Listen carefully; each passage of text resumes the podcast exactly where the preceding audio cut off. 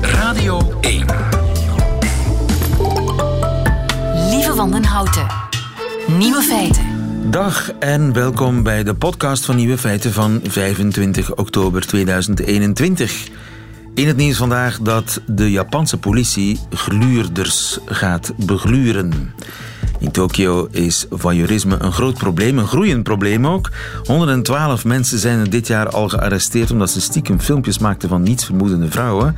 En vorig jaar waren dat er maar 87 probleem groeit en de politie treedt daarom vanaf nu kordaat op. Ze zullen de zoekresultaten van iedere volwassen man in de gaten houden. En wie naar dingen zoekt zoals miniatuurcamera of gluren, krijgt voortaan een filmpje in het reclameblok van YouTube te zien. En daarin staat de duidelijke boodschap: voyeurisme is een misdaad. Gluurders worden begluurd om ze te doen stoppen met gluren. Kijk, alleen in Japan, zo'n dingen.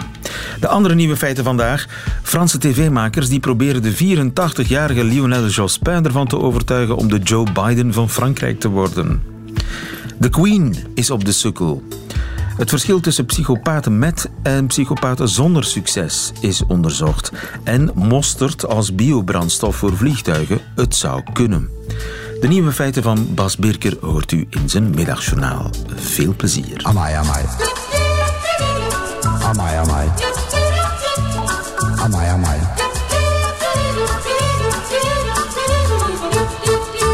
Nieuwe feiten. Vliegen vliegtuigen in de toekomst op mosterd? Misschien wel, volgens nieuw Amerikaans onderzoek. Goedemiddag, Joris Melkert.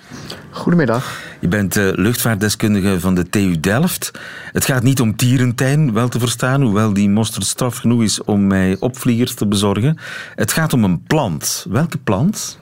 Nou, het gaat om de Ethiopische mosterplant. Uh, om precies te zijn, de Brassica carinata in vaktermen. Uh, een, een, plant die niet, niet eetbaar is aan zich. Die dus ook niet zou concurreren met, met voedselvoorziening in de rest van de wereld.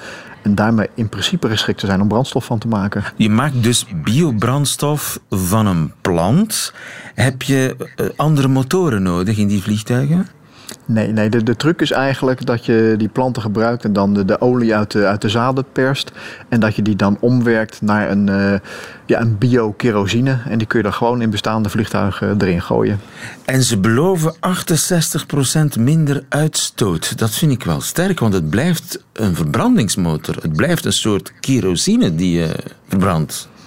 Ja, daar moet je wel voorzichtig mee zijn. Waar het in feite om gaat is dat ze zeggen... nou, die plant haalt koolstofdioxide, CO2 uit de lucht... zet dat om in, in oliën en daar maak je dan brandstof van. En die verbrand je weer. En dan komt die CO2 weer terug in de atmosfeer. Als je dat helemaal perfect zou doen... zou je dan 100% CO2-reductie hebben. Nou, in werkelijkheid werkt dat niet helemaal zo. Heb je nog allerlei andere energiebronnen nodig. Je hebt kunstmest nodig en zo. Dus 68% is een hele grote stap. Maar het is omdat het ja, je de CO2 uit de lucht haalt en dan later weer terugbrengt. Oh, maar dan okay, een dus eruit haalt. Voor, wel te verstaan, dus uh, de uitlaatpijp van het vliegtuig, daar zit het verschil niet. Het, zit, het verschil zit in de productie van de brandstof. Ja, ja, eigenlijk probeer je de, wat dan heet de koolstofcyclus zoveel mogelijk te sluiten. Dat je dat helemaal circulair doet. Nou, dat lukt niet, maar dat zou dan hier voor 68% lukken. Uh. Ja. Maar dan moet je er wel rekening mee houden dat de CO2 op lage hoogte uit de atmosfeer gehaald wordt. De hoogte waar wij leven, waar die planten groeien. En door de vliegtuig op grote hoogte, 10, 11, 12 kilometer, wordt uitgestoten.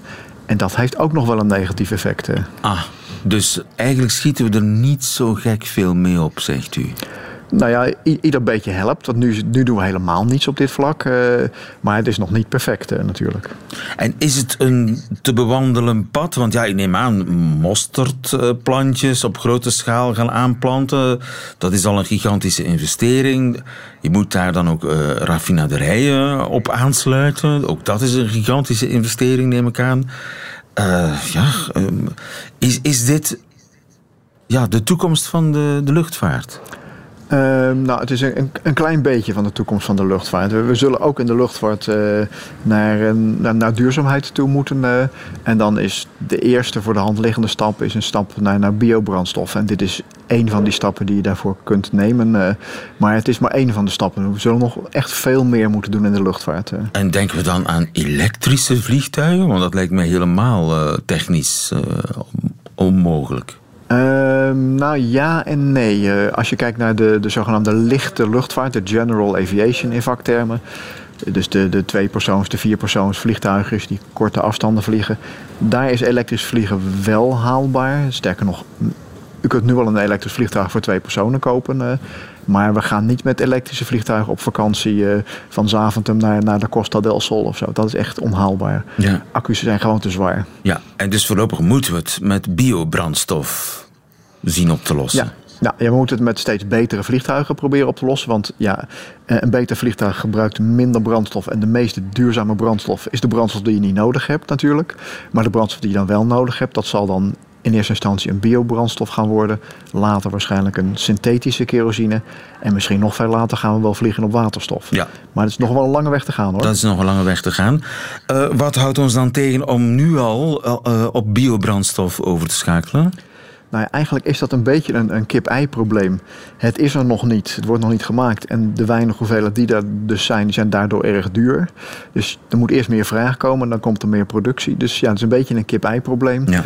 Mensen moeten nou gewoon wat, wat stappen gaan uh, nemen. Want... Maar de onderzoekers van dit onderzoek die hebben dus aangetoond van... nou ja, als je daar zo eens even naar kijkt, dan zou het ook financieel uit moeten kunnen misschien. Want we zitten nog niet zo ver, de prijzen liggen niet zo ver uit elkaar, die van kerosine en mogelijkerwijs die van die mosterd biobrandstof. Nou, dat, dat beweren zij dus in dat onderzoek. Maar ze zeggen er wel bij, we hebben toch echt nog wel veel meer economisch onderzoek nodig. En de bandbreedte die ze aangeven is ook nog wel heel erg groot. Maar goed, als de prijs van de fossiele brandstof oploopt, zoals we dan nu zien met de gasprijzen bijvoorbeeld, dan zou dat wel een zetje in de rug kunnen geven misschien. Ja, en dat setje zou ook nog kunnen door de overheid worden gegeven. Het helpt natuurlijk als een overheid gaat zeggen van wij willen gewoon dat vanaf dit en dit jaar er zoveel van die duurzame brandstof bijgemengd moet worden. En dat gaat ook gebeuren. In het Fit for 55 plan van de Europese Unie staat ook vanaf 2030 moet er 5% bijgemengd worden. En dat moet dan oplopen tot 63% in 2050. Dus dat setje komt er wel aan. Eh. Dat setje komt eraan. En uh, hoeveel biobrandstof zit er nu in de kerosine? Nou, dat is echt heel, heel, heel weinig. We praten misschien over tienden van procenten of zo. Eh. Want ja, het wordt gewoon nog niet gemaakt omdat het nu nog, nu nog te duur is. Eh. En het is nog te duur omdat het niet gemaakt wordt. De kip ja, of het ei, je, je zei het al. Echt, een kip of ei probleem. Helder, dankjewel. In Delft voor ons, Joris Melkert. Goedemiddag. Oké, tot de volgende keer. Dag. Nieuwe feiten. Coucou de France. Met Alex Visorek. Het is weer maandagmiddag en dan worden wij altijd op de hoogte gehouden van de bezonjes en de bezorgdheden van de Parisiens en van de Fransen door uh, mijn collega bij Radio France en onze landgenoot Alex Visorek. Goedemiddag Alex. Goedemiddag, lieven. Uh, vorige week hebben drie Fransen een bijzondere reis ondernomen. Okay. Een roadtrip naar de sporen van Lionel Jospin. Lionel Jospin? Ja. Wacht eens even. Oh, dat is toch, was dat niet de broer van uh, Mitterrand? Nee, maar het was een socialistische premier. Uh, die twintig jaar geleden de tweede ronde van de presidentiële verkiezingen miste ten voordeel van Jean-Marie Le Pen, die beter scoorde de eerste keer dat extreem rechts het tweede ronde van la presidentiële raakte. Waarna Jospin er direct de steker uittrok. J'assume pleinement la responsabilité de cet échec et j'en tire les conclusions en me de. Ja, ik neem de totale verantwoordelijkheid voor dit uh, falen.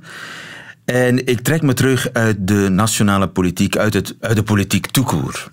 Ja, dat is raar voor een politicus. Voilà, deze man was dus de focus van uh, onze drie roadtrippers. Uh, ze zijn op woensdag vertrokken met hun Renault 19 Cabriolet.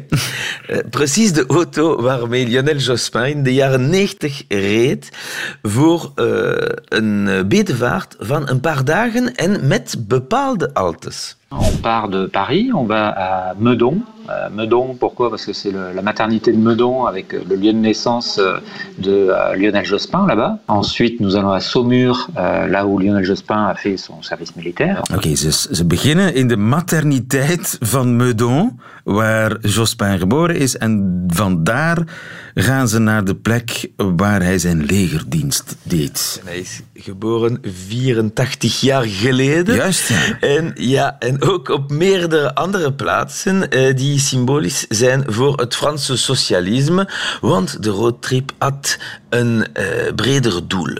Ah, ça serait super en fait qu'il revienne, Lionel Jospin, un peu à la Joe Biden, en, en en vieux monsieur euh, qui euh, vient faire euh, un seul mandat, qui fait toutes les réformes nécessaires et puis qui repart à la retraite.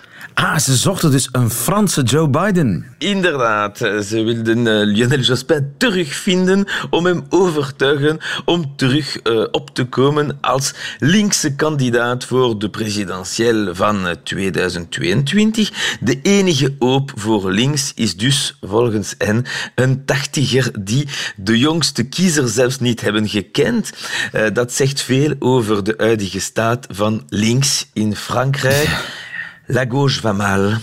En een blik op de peilingen is genoeg om dat te beseffen. De beste linkse kandidaat zou pas vijfde zijn. En dat is zo omdat de stemmen van de linkse kiezer gespreid zijn tussen veel kandidaten. Anne Hidalgo, de kandidaat van de Parti Socialist, zou amper 4% van de stemmen krijgen. Een alternatief is Arnaud Montebourg. Maar hij voerde onlangs campagne in een trein en een vrouw vroeg hem, bent u de conductor? Geen grote hoop dus. De minst slechtste linkse kandidaat eh, in de peilingen is Jean-Luc Mélenchon, bijna extreem rechts. Eh, maar met extreem links bedoel je? Extreem links. Eh, bijna extreem links, sorry. maar oef, ja, maar met 9% maar uh, zou hij uh, maar de helft van zijn scoren van vijf jaar geleden halen. Nu, als je al die cijfers zou samenstellen, kan links zeker de tweede ronde bereiken. En dat is al lang het interne debat tussen de linkse partijen, de vereniging van alle linkse partijen om samen sterker uit de verkiezingen te komen, ligt al lang op tafel. Een droom die in de jaren 90 de realiteit was. Ce soir, Lionel Jospin recevait à dîner à Matignon les représentants de la gauche plurielle. Robert Hue pour le Parti communiste, Jean-Pierre Chevènement pour le Mouvement des citoyens, Dominique Voynet pour les Verts et Jean-Michel Baillet pour les radicaux de gauche. La gauche plurielle. Gauche pluriel. Jospin had het kunnen doen. De communisten, de ecologisten en andere linkse radicalen rond hetzelfde eh, programma samenbrengen. La gauche pluriel heette dat toen. Van 96 tot 2002 verschenen alle linkse kandidaten onder deze naam, wat voor een eh, groot overwinning bij de verkiezingen zorgde. Maar Lionel Jospin had de voorwaarden geformuleerd voor een succesvolle Union des gauche. Il faut que les uns et les autres euh, abandonnent leurs égaux. Ach, iedereen, voilà.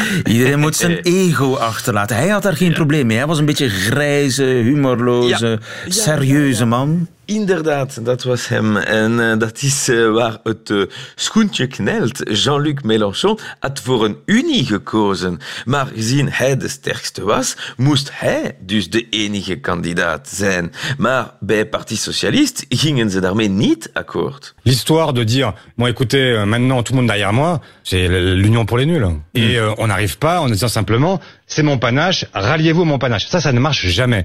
Ja, zo werkt het niet. Dan wordt het een unie pour les nuls, de unie voor dummies zou je kunnen zeggen. Ja, dat zegt Olivier Faure, de voorzitter van Le Parti Socialiste. En deze chaos brengt ons terug naar onze drie roadtrippers. On cherchait quelqu'un qui, euh, qui était le dernier homme politique de gauche à avoir unifié la gauche. Et on s'est dit, bah, il n'y a que Jospin en fait qui est arrivé depuis 20 ans. dus hij was de laatste die links kon verenigen. Dus maar rijden naar Lionel Jospin om hen te laten reizen. Een soort mix tussen Easy Rider en Jurassic Park. Ze wilden dus gisteren aan de deur van Jospin aankloppen. Natuurlijk niet met lege handen. On va aller chez, euh, à la boulangerie de Ars-en-Ré. On va demander uh, quel est le gâteau préféré de de, de Jospin, on va l'acheter, on va sonner. Et puis, euh, on va lui donner un cahier de doléances et un, un bon gâteau. Ja, ze hebben dus eerst uh, zijn favoriete taart gekocht in het dorp. En dan met een, ja, een, een verlanglijstje aangeklopt aan de deur van Lionel Jospin. En... Ah, wat heeft Lionel Jospin geantwoord, wilt je me vragen? Ja. Wel, de krant Sud-Ouest had zijn reactie op vrijdag al gehoord en hij zei... Dites-leur courtoisement que je ne serai pas chez moi. Ach. Vertelt ze op een beleefde manier dat ik op zondag niet thuis zal zijn. Geen groot succes dus voor deze missie, maar hun bedoeling was ook om hiervan een documentaire te maken waarbij de Fransen die ze onderweg ontmoeten hun hoop en frustraties konden uiten over de actuele staat van la gauche française. La gauche die zes maanden voor de verkiezingen nog op zoek is naar iemand die haar goed kan verdedigen. En het wordt in elk geval niet Lionel Jospin, die op zijn 84ste gevlucht is voor de... Naar l'île de Ré.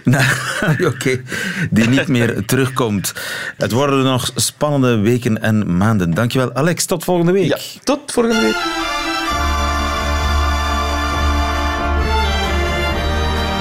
Nieuwe feiten. Radio 1. Flip Feiten is komen aanschuiven, Flip. En dat betekent dat er uh, een en ander te vertellen valt over de Queen. Goedemiddag, Flip. Goedemiddag. Zeg, Flip, het, wat is er aan de hand met de Queen? Is het ziekenhuis, lees ik? Ja, mm, ja, ja. Uh, om te beginnen. Queen ze is, is alweer thuis, hè? Ze is, ze is alweer thuis. Ze heeft een nachtje doorgebracht in het ziekenhuis. Uh, er, in dat ziekenhuis werden een paar, wat ze noemen, preliminary. Dus, hoe moet je dat? uit voorzorg, hè? Ja. Onderzoeken gebeurd. En toen is het wat laat geworden. Enfin, dat is de officiële uitleg. En toen was het eigenlijk handiger dat ze in het ziekenhuis bleef overnachten dan in Windsor. En dus is ze in het ziekenhuis gebleven, maar s ochtends gewoon uh, weer naar Windsor gebracht. En zeggen de uh, paleis... Uh, hoe moet je dat noemen? Uh, officials. officials. Uh, terug lichtjes aan het werk. Dat wil zeggen, alle regeringsdocumenten lezen uit haar rode koffertje enzovoort. Die, die, die officials doen alle mogelijke moeite om. Het waren maar onderzoeken, er is, er ja, is niks gebeurd. She is in good spirits, maar dan worden de mensen al een beetje zenuwachtig, want dat zeiden ze bij Prins Philip ook altijd. Ja. Als ze in een ziekenhuis in good spirits. In good spirits. Maar um, ja, er is wel wat meer gebeurd. Want, ze zou gestopt zijn met drinken. Ja. Het, Klopt dat? Het, het begon al... Ze, ze, verscheen ineens met een stok. Hè? Uh, was aan het wandelen. En dan uh, kwam het bericht van dat haar arts gezegd had dat ze haar martinis uh, moest schrappen. Martinis, dat is niet letterlijk dat Italiaanse drankje. Maar dat zijn eigenlijk de cocktails die, ze, die ze drinkt. Ze zou laat opblijven en ja, naar tv blijven ja, kijken. ze blijft te lang naar televisie met kijken. Met martinis. Ja. ja. dan was er dat verhaal van het, die overnachting in het hospitaal. En gisteren is ze niet naar de mis geweest. Oei, nu maak ik mij zorgen. Ja, en dat doet ze altijd. Enfin, er, is zo'n, een, een, er zijn verschillende kerkjes op het gebied van, uh, rond het gebied van Windsor. Uh, maar er was eentje waarvoor ze dus buiten moest komen, heeft ze niet gedaan. Maar de, de uh, officials blijven zeggen, de, de um, hoe noem je dat? Woordvoerders? Ja, ja dat, um, dat het allemaal in orde is, dat ze gewoon veel te veel doet dat ze ze moeten tegenhouden en dat ze fit moet zijn, want over uh, eind van de maand begint die, die fameuze klimaatconferentie in Glasgow. Ja, over die klimaattop gesproken, ja. ook daarover, en dat, uh, daarop wordt ze zelden betrapt, ze heeft haar mond voorbij gepraat. Of ja. in ieder geval, er is een gesprek opgevangen. ja. Hoe zat dat? Wel, ze was in Cardiff, want tussen haakjes, ze doet nog van alles. Hè. 95, hè, lieven.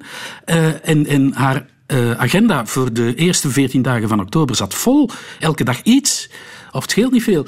Uh, maar dus ze was in Cardiff nog. En um, iemand met de iPhone, zo is dat nu, hè, filmde haar. Maar dan komt de klank ook mee. Hè. en ze zei tegen Camilla... Ja, maar zegt ze... Uh, die die, die um, klimaatconferentie in Glasgow... Ik weet nog altijd niet wie er komt. En die, die regeringsleiders... Die, die zeggen van alles, maar die doen niks. Oei. ja.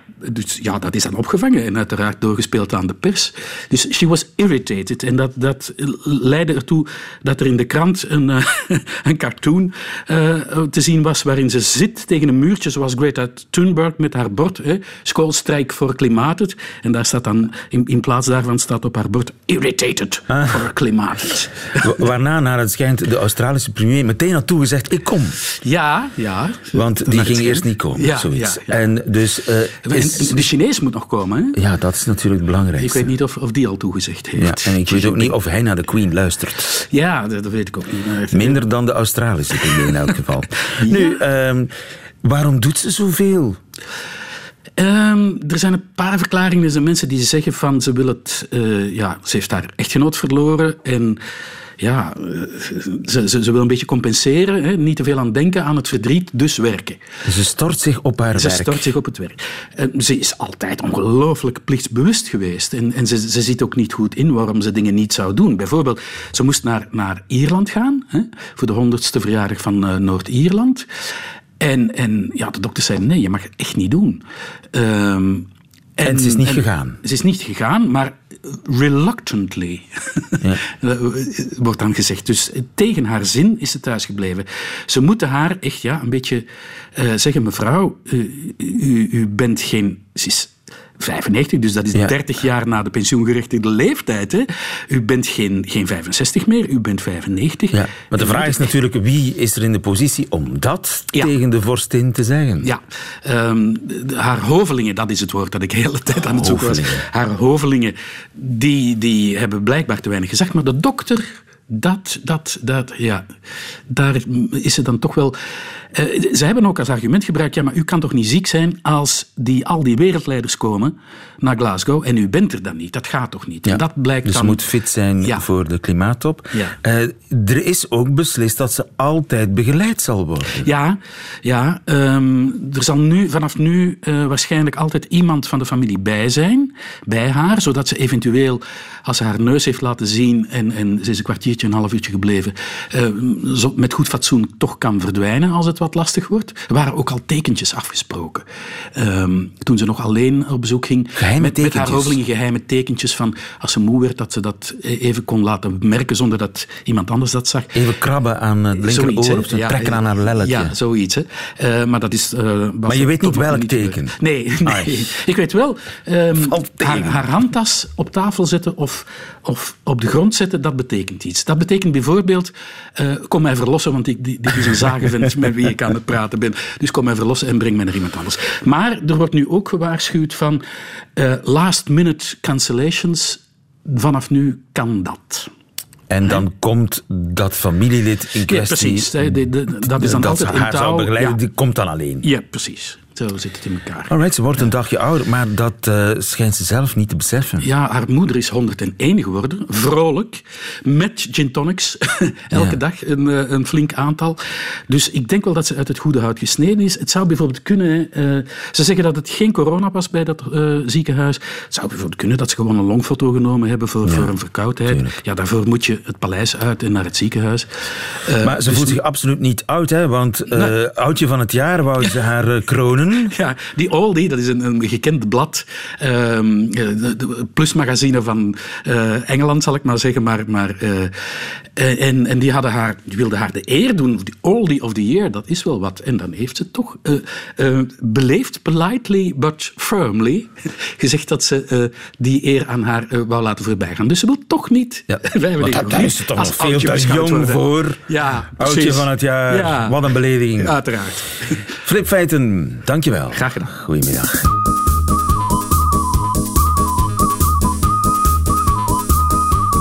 Nieuwe feiten. Zegt de naam Bakkie Laplace u nog iets? Toen wist ik wat er al die jaren gewrongen had. Hier moet ik zijn. Ik ben een Vlaming. In Vlaanderen wil ik leven. In Vlaanderen wil ik sterven. En ik dank Sinalco dat ze mij de kans hebben gegeven om hier in Vlaanderen te kunnen werken. Sinaal! Go, go! Go, go! Go, go! Bedankt. Ja, Lucas van den Einde, onsterfelijk als Bakkie Laplace in het eiland, ook alweer 17 jaar geleden. Bucky Laplace die stond voor de CEO met psychopathische trekjes. Heel herkenbaar voor uh, al te veel mensen. En ik moest aan hem denken toen ik las over het onderzoek in uh, Amerika. Een onderzoek over deze vraag waarom de ene psychopaat seriemoordenaar wordt en de andere CEO van Sinalco. Kasha Ujembo, goedemiddag. Goedemiddag. Je bent uh, forensisch psycholoog, onder meer Ja. verbonden aan de VUB in Brussel, specialiteit psychopathie. Ja. Eh, Snakes in Suits, hè, zo heet dat boek. Alweer een bekend boek over psychopaten in, in ja, dure maatpakken, die dure beroepen uitoefenen, die baas worden ergens in een multinational. Eh, dat soort psychopaten heb je, maar je hebt ook psychopaten die ja, moorden plegen, seriemoordenaar worden, in de gevangenis belanden. Waar het verschil zit, dat is dus uitvoerig onderzocht aan de Universiteit van Virginia. Hoe hebben ze dat aangepakt? Ja, eh, zij hebben zich wel niet echt gefocust op de seriemoordenaars. Eh, maar zij hebben eigenlijk der- eh, 1354 minderjarige players van ernstige feiten gedurende zeven jaar opgevolgd. En in deze studie keken ze eigenlijk of er een onderscheid kon gemaakt worden tussen minderjarigen met een hogere mate van psychopathische trekken en die niet recidiveren in deze periode en eh, dus succes, succesvol zijn en zij die niet, niet succesvol waren en dus wel recidiveerden. Ja, want je zegt ook, net als ik daarnet, mensen met psychopathische trekjes, een beetje mondvol. Maar je vermijdt de term psychopaten. Ja, ja Waarom wij eigenlijk? vermijden- Ja, omdat we eigenlijk psychopathie als een persoonlijkheidsconstruct, een moeilijke term, ik weet het, beschouwen. Maar we beschouwen het vooral eigenlijk als eh, iets dimensioneel. Hè. Je bent meer of minder psychopathisch. Of je vertoont meer of minder, een meer of mindere mate van psychopathische Ja, trekken. en, en niemand heeft nul psychopathische trekjes. Er zullen er zijn die heel weinig vertonen. Misschien bijna nul zou de score op een vragenlijst. Maar de meeste van ons vertonen wel één of meerdere trekken. En op zich is dat niet zo problematisch. Nee. Het, is, het wordt problematisch als je er heel veel eh, vertoont. Natuurlijk. En psychopathische trekjes, laat mij raden, wat is dat dan? Dat is eh, weinig normbesef hebben, weinig inlevingsvermogen, weinig spijt, weinig vroeging. Dat is zo de, de, de, de killers, hè? De, de koudhartigen. Ja, maar dan heb je het vooral over eh, het emotionele. Hè? Dus dat ze weinig angst, weinig empathie enzovoort vertonen. Maar ook heel typerend is bijvoorbeeld manipulatief gedrag, leugenachtig gedrag, zich nergens schuldig om voelen, eh, charmant kunnen zijn. Ehm, en dan verder, wat betreft echt hun gedrag, dan zie je ook dat ze impulsief zijn, op zoek naar nieuwe prikkels gaan, eh, moeilijk lange termijn doelen kunnen bedenken en ook vaak dus antisociaal gedrag stellen. Al vanop, vanaf een jonge leeftijd eigenlijk, waardoor ze al op jonge leeftijd met justitie te maken kunnen Ja. krijgen. Maar het zijn precies die trekken die ervoor zorgen dat je in het bedrijfsleven soms succesvol bent. En Ja, kunt opklimmen maar- in de hiërarchie. Ja, eh, maar niet alle trekken natuurlijk. Hè. Als je heel impulsief bent, eh, weinig eh, rekening kunt houden met lange termijn doelen enzovoort, ja, dat is natuurlijk niet nuttig voor een bedrijf, dan val je er gaandeweg ook wel uit. Ehm, dus is dat zijn mensen op- die soms een, een soort blitzcarrière maken, maar er heel snel Ja. ook weer uitgaan. Ja, ja dat lijkt het. Het onderzoek is nog vrij beperkt in deze, maar dat lijkt er wel op dat dat zo, zo gaat. Ja. Ehm, ja. Dat zijn mensen die, die ook zo eh, van bedrijf naar bedrijf ziet hoppen. Die, Ja, blijven ergens een jaar, twee jaar. En dan, hup, dan zie je ze opduiken in een ander bedrijf. Van, oh kijk, hij is weer baas geworden daar. Ja, en ze veroorzaken ook wel wat ellende in die bedrijven. Hè. Dus eh, we zien in verschillende studies eigenlijk dat ze echt kunnen ervoor zorgen dat het team eigenlijk gesplitst geraakt. Hè, eh, waardoor er echt heel wat conflicten onderling ontstaan. Ehm, het lijkt ook een impact te hebben op de werknemers. Hè, dus dat zij zich slechter beginnen te voelen, slechter in hun vel beginnen te voelen, eh, minder zelfvertrouwen hebben. Zelfs burn-out wordt daaraan gelinkt. Dus ze veroorzaken echt wel ellende. Ook Ja. al kunnen ze even succesvol zijn eh, in het bedrijf. Ja, en de hoofdvraag nu is, eh, waarom houden ze zich eigenlijk aan de wet die dat soort psychopaten, als ik ze dan toch zo mag noemen, en, Ja. en, en anderen, ja, die, die laten zich zelfs door de wet niet tegenhouden en die belanden als moordenaar of andere soort eh, crimineel in de gevangenis. Eh, zien we waar dat verschil zit? Is dat aan te wijzen? Dat is moeilijk aan te wijzen. En ook dit onderzoek geeft toch wel enig inzicht, maar uh, nog onvoldoende. Uh, men gaat er wel een beetje van uit, dat, of toch meer en meer van uit, dat mensen die hogere mate van psychopathie vertonen en succesvoller zijn, dus uit de gevangenis bijvoorbeeld kunnen blijven of weten te blijven, dat zij meer ja, in staat zijn om hun emoties te reguleren, betere impulscontrole vertonen, meer hun agressief gedrag weten te onderdrukken en dergelijke. En dat zou dan hen uh, kunnen helpen of zou bij hen dan kunnen voorkomen dat ze met justitie in contact kunnen. Ah, ja. uh, dus dat zijn zelfs mensen met, met, uh, die in hoge mate psychopathische trekjes hebben, maar wel degelijk hun impulsen onder controle kunnen houden, die kunnen een, uit de handen van justitie blijven en eventueel zelfs succesvol zijn. Ja, die gaan minder snel domme dingen doen. Ik zal ja. het zo zeggen, om dan uh, tegen de lamp te lopen. Uh, de vraag blijft, en daar worstel ik ook mee uh, in ons onderzoek bijvoorbeeld, ja, zijn ze daardoor echt succesvol? Hè? Wat, wat is succesvol? Hè? Want wat we wel zien in verschillende studies, is dat ze wel antisociaal zijn, maar niet noodzakelijk crimineel gedrag stellen. Hè? Dus dat ze wel in hun omgeving heel veel schade toebrengen. mensen kwetsen, um, over normen heen gaan en, en dergelijke. Uh, maar dat ze dan op een of andere manier uit de handen van politie weten te blijven. Ja, dat is dan een beperkt succes. Ja, ja. Waar kunnen die mensen dan terecht? Zijn er jobs waar die mensen toch nog enigszins kunnen functioneren? Ja, ja ik, ik, denk, ik vind een mooi voorbeeld. Een van onze patiënten, want ik werk in Nederland ook in de kliniek, die wou vooral status hebben. Die vond dat heel belangrijk vanuit zijn narcisme dan, uh, om status te hebben. En we hebben uh, hem uiteindelijk een job kunnen... Uh, hij heeft uiteindelijk een job gekregen in een dierenopvangcentrum, waar hij, op, ja, waar hij aan, een, een, hogere functie had. En dat lijkt goed te werken. Dat was ja. voor hem voldoende. dus het is zoeken per individu, per patiënt, van wat heb je nodig om uit die criminaliteit te blijven. Ja, en word je psychopaat geboren? Deels wel. Hè. Dus er is zeker een genetisch component, maar er is, zijn meer en meer aanwijzingen dat die opvoeding echt van groot belang is. Hè. Dus dat heel veel psychopathische personen heel wat trauma's hebben meegemaakt en daardoor ook killer zijn geworden, uh, minder hun gedrag kunnen controleren en dergelijke. Dus um, het is beide. Kun je daarvan genezen? Is dat uh, voor het leven? Van psychopathie? Ja.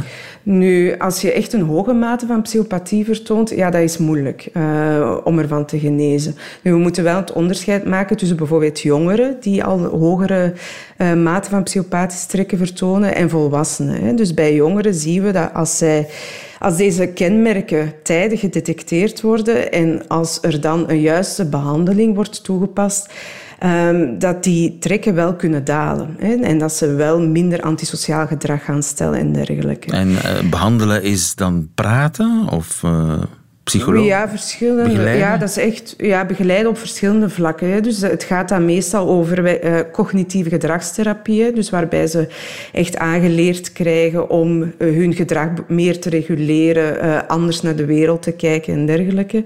Maar er wordt dan ook wel samengewerkt met de ouders, met de omgeving. Hè, omdat zij ook wel de nodige ondersteuning moeten krijgen. Ja. Zodat zij ook consistent kunnen zijn. Dus het kan nog een beetje heropgevoed worden.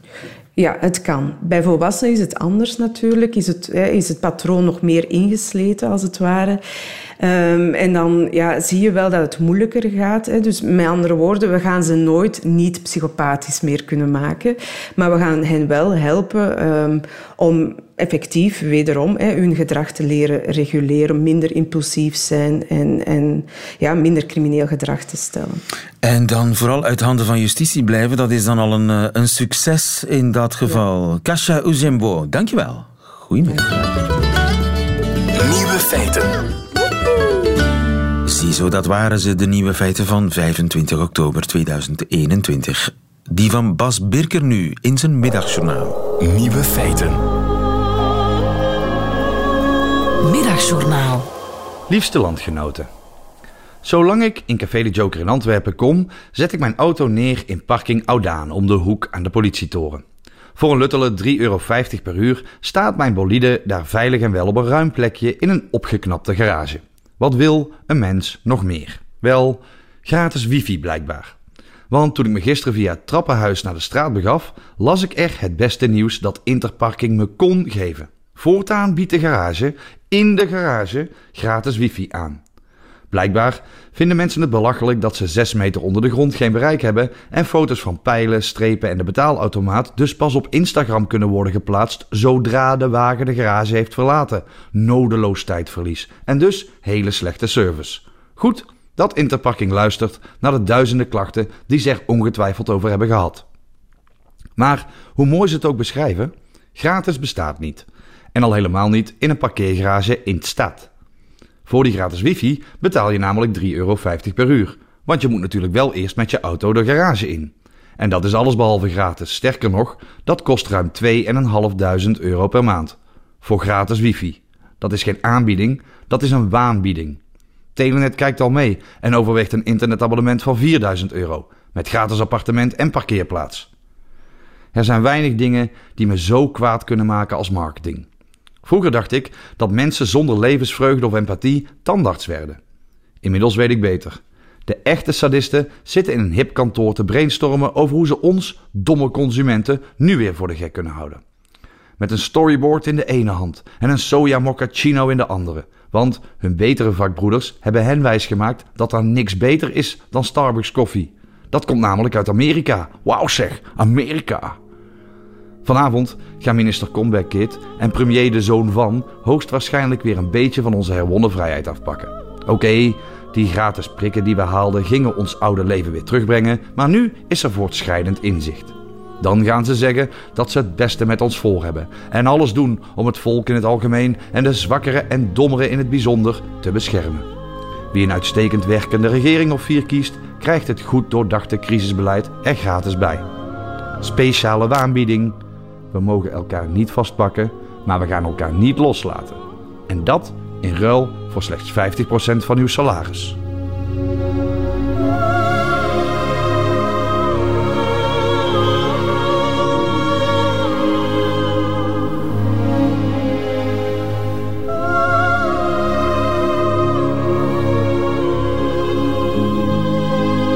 Birker in het middagjournaal. Einde van deze podcast hoort u liever de volledige nieuwe feiten. Dat wil zeggen met de muziek erbij. Dat kan natuurlijk live elke werkdag tussen 12 en 1. Of in uitgesteld relais via radio1.be of de Radio 1 app. Tot een volgende keer.